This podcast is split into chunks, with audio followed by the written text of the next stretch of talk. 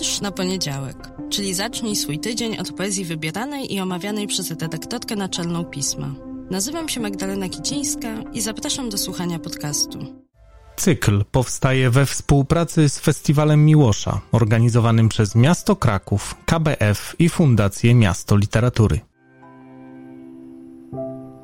Dzień dobry, cześć, dobry wieczór a nawet God Dag, bo dzisiaj mamy czwartek, nagrywamy się w czwartek, w dniu, w którym równo o 13, chociaż nie równo, to było parę minut po 13, otworzyły się drzwi, na które czeka cały literacki, okołoliteracki świat. O tej porze roku, o tej porze jesieni, o tej porze października, a z tych drzwi wyłonił się członek Komitetu Noblowskiego i ogłosił, że oto literacka Nagroda Nobla za ten rok przypada Louise Glick. Od tego momentu ja przeczytam bardzo wiele o tej noblistce, a przynajmniej bardzo wiele tekstów, które miały być o noblistce a tak naprawdę były o tym, do czego i ja się Wam przyznaję, czyli o tym, jak bardzo niewiele o niej wiemy, bo Louise Glick nie została wydana w języku polskim. Żadna z jej kilkunastu książek poetyckich nie ukazała się u nas. Możemy przeczytać kilka jej wierszy w tłumaczeniu Julii Hartwig,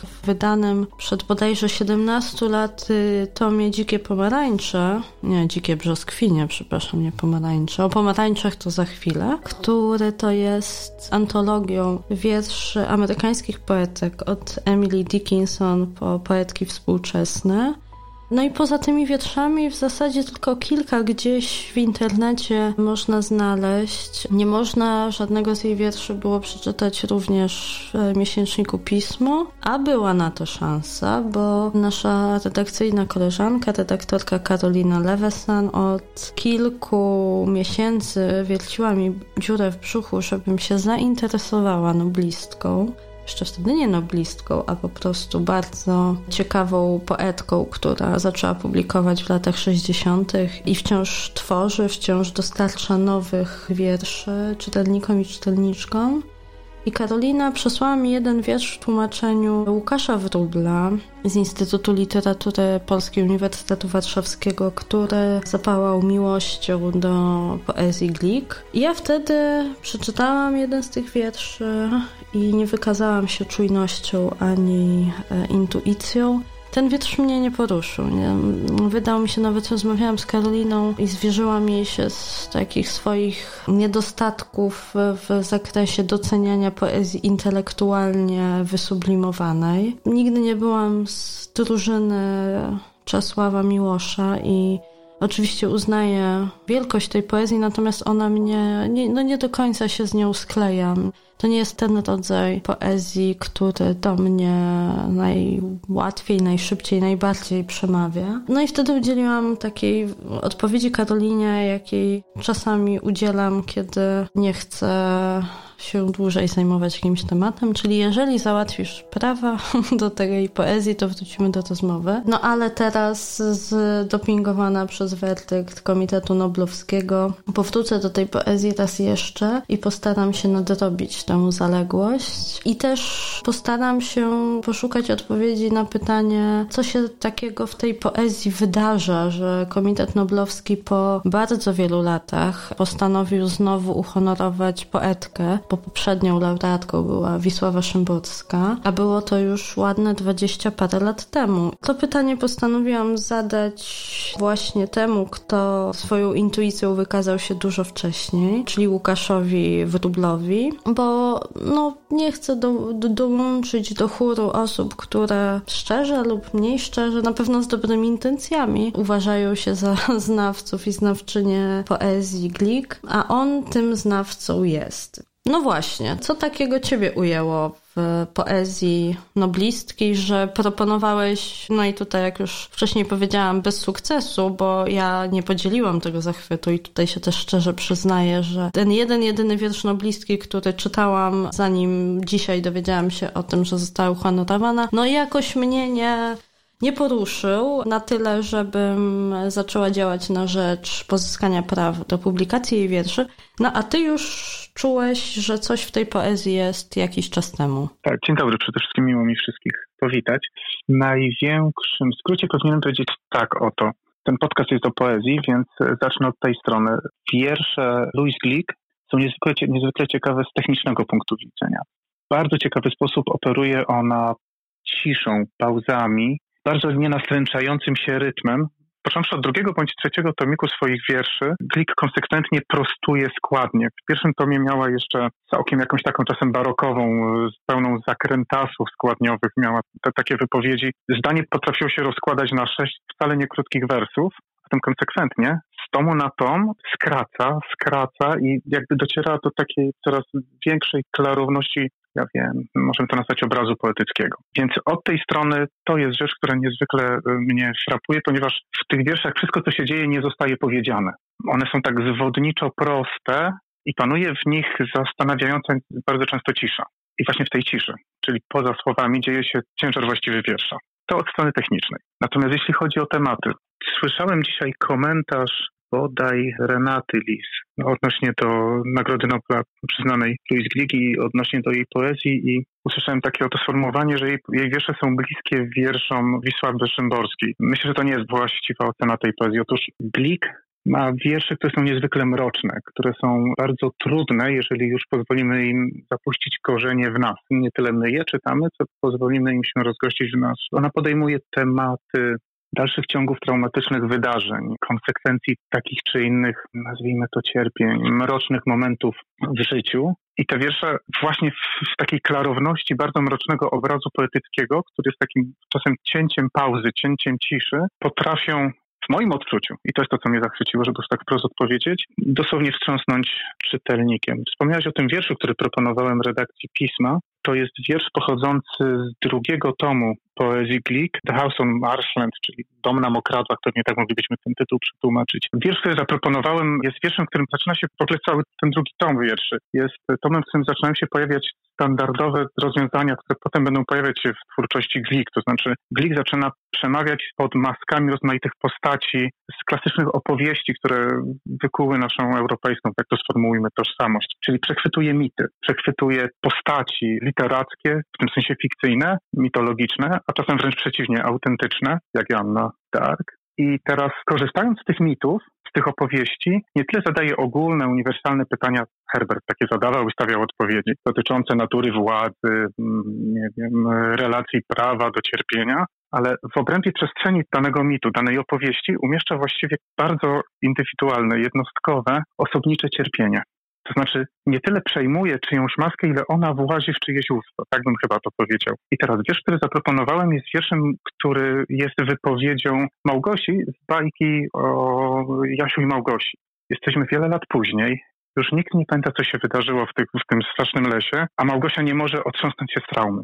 Nieustannie słyszy w nocy dźwięki, słyszy głosy, czuje się osamotniona i żyje w takim mroku, który jakkolwiek jej się wydaje na zewnątrz, jest wewnątrz niej, w środku. Nie jest w stanie wyjść z mroku doświadczenia, które po prostu miała i nosi w sobie.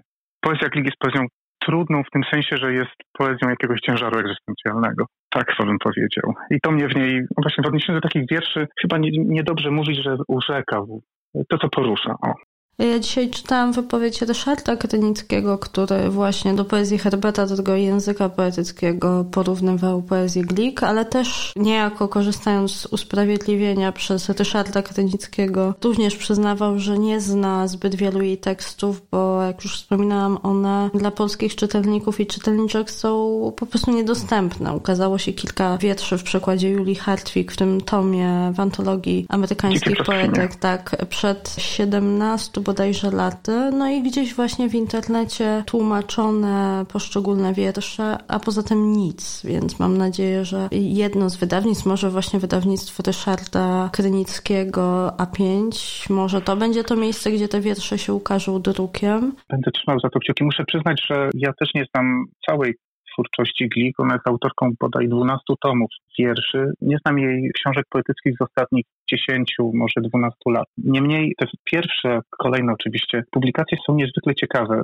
Zadebiutowała w ojejku, już teraz nie w pamiętam. W 67 roku. Och, dobrze, w 67 roku tomem Firstborn, który z jednej strony, tak jak wspominałem, był napisany całkiem rozbudowaną składnią, ale atakował bardzo ostentacyjnym ja. Był napisany w pierwszej osobie i w każdym wierszu powtarza się jak jakiś taki punkt niemalże. Widzę, czuję, to ja tam zawsze jest jakoś rozpadający się, zawsze zderza się z czymś ciężkim. Potem pojawia się drugi tom wierszy, to jest mój ulubiony i tom wierszy The House on Marshland, czyli ten właśnie tom na mokradłach, tom na bagnach. Od tego tomu Glick szuka łatwiejszej składni, dokonuje rozmaitych skróceń, zaczyna stosować pytania, czasem pytania retoryczne, obcina wersy. Obcina nie zawsze składniowo, czasem to jest po prostu obcięcie słów, które niepotrzebnie rozwijają, rozciągają obraz poetycki. No, raczej dąży do jakiejś kondensacji.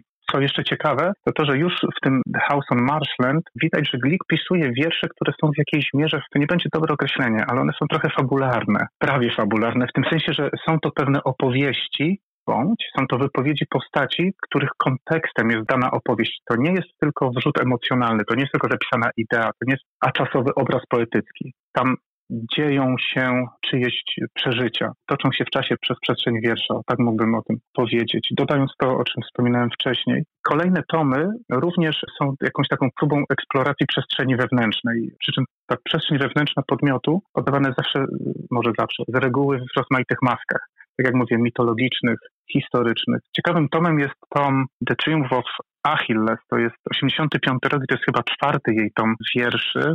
W 85 roku Glick straciła dosłownie cały swój dobytek w pożarze domu. Spłonęło jej wszystko. I wydostawała się z tego pogorzeliska, pisząc właśnie ten tom, o którym wspomniałem który też operuje takim niełatwym mrokiem i zderzeniem kruchej osobowości, kruchej subiektywności, kruchego ja, tym, tym zagrożeniem, które czyhając na zewnątrz, tak naprawdę zapuszcza korzenie w środku. Tak chyba można by o tym powiedzieć. Przy okazji w tymże tomie Triumf Achillesa pojawia się również bardzo mocny, niezwykły wiersz zatytułowany Mock Orange, to jest y, wiersz, który pojawia się w rozmaitych antologiach amerykańskiej poezji w Stanach Zjednoczonych i jest uważany za jeden z takich istotnych wierszy dla perspektywy feministycznej. Blik operuje tam takim sugerowanym odniesieniem do platońskiego mitu o dwóch połówkach, które zostały rozcięte, ponieważ bogowie Grecy wywali na swoją zemstę i od tej pory wszyscy się poszukujemy. Glik sytuuje się konsekwentnie po stronie połówki, która nie, nie chce, nie szuka, nie potrzebuje swojej drugiej połówki. Bardzo mocny wiersz, który jest zwodniczo niezwykle prosty, tak na dobrą sprawę, napisany bez jakichkolwiek komplikacji językowych, stylistycznych, poetyckich. Podejrzewam, że jest tak bardzo łatwy do przetłumaczenia, że aż, aż niezwykle trudny, tak bym chyba wspomniał. Więc może taką rzecz bym powiedział. Wraz z tym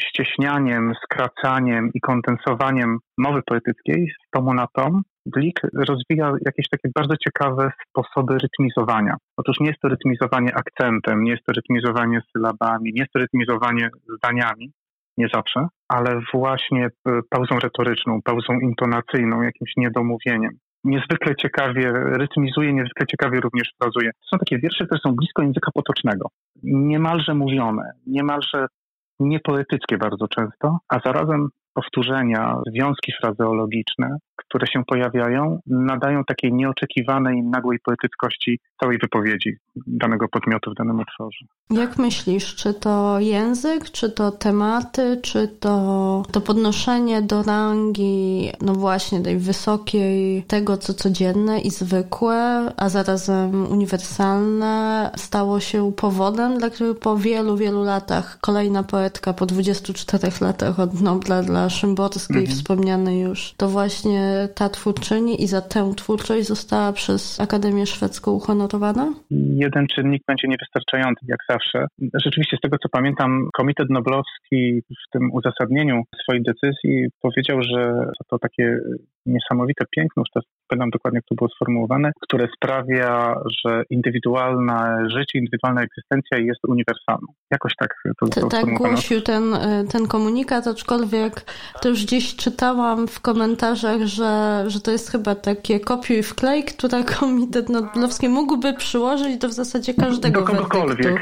No, ja, tak. ja mm. też coś odnośnie do tego chciałem powiedzieć, że mnie się wydaje, że jest dosłownie w sposób geometryczny na odwrót To znaczy, jeżeli Glik coś robi, to sprawia, że właśnie uniwersalna egzystencja modelowa i w tym sensie właśnie wpisana w daną historię, opowieść, mit, który zbudował buduje naszą zachodnią kulturę, że właśnie to, co uniwersalne, okazuje się przestrzenią, w której może się wypowiedzieć, w której może się znaleźć i wypowiedzieć jakieś pogruchotane osobowe ja. Na przykład bardzo konkretnej Louis Glik albo bardzo konkretnego Łukasza Wróbla. Ja bym to w ten sposób raczej powiedział, że to jest wręcz w drugą stronę. Tak jakby maska Małgosi z bajki o Jasiu i Małgosi pozwalała mnie powiedzieć coś bardzo od siebie. Tak jakby wiersz bardziej wyrażał mnie, aniżeli pozwalał mnie rozejrzeć czyichś uczuciach, emocjach czy sposobie postrzegania. Ja myślę, że to jest na odwrót, aniżeli Komitet Noblowski to sformułował. No ale Komitet Noblowski, tak jak i redakcja pisma, ma prawo czasami tutaj coś nieprecyzyjnie powiedzieć i zdecydować. Um, tak, więc, tak. więc trzymamy kciuki, żeby, żeby wydawca udzielił zgody na publikację wierszy tegorocznej noblistki w dziedzinie literatury, poetki Louise Glick w tłumaczeniu Łukasza Wróbla na łamach pisma już w najbliższym czasie. Bardzo Ci dziękuję za to, że opowiedziałeś o poetce, o której niewielu wiedziało, a aczkolwiek po czytaniu różnych komentarzy dzisiaj można odnieść wrażenie, że wszyscy uwielbiają i wiedzieli, że, że to właśnie ona dostanie dzisiaj tę nagrodę. Dziękuję, że powiedziałeś nam o jej twórczości i e, no, tak jak mówiłam, mam nadzieję, że uda nam się naprawić błąd i opublikować wreszcie na łamach pisma wiersze Louise Glick. Ja dziękuję za zaproszenie i za rozmowę. Dzięki. Do widzenia.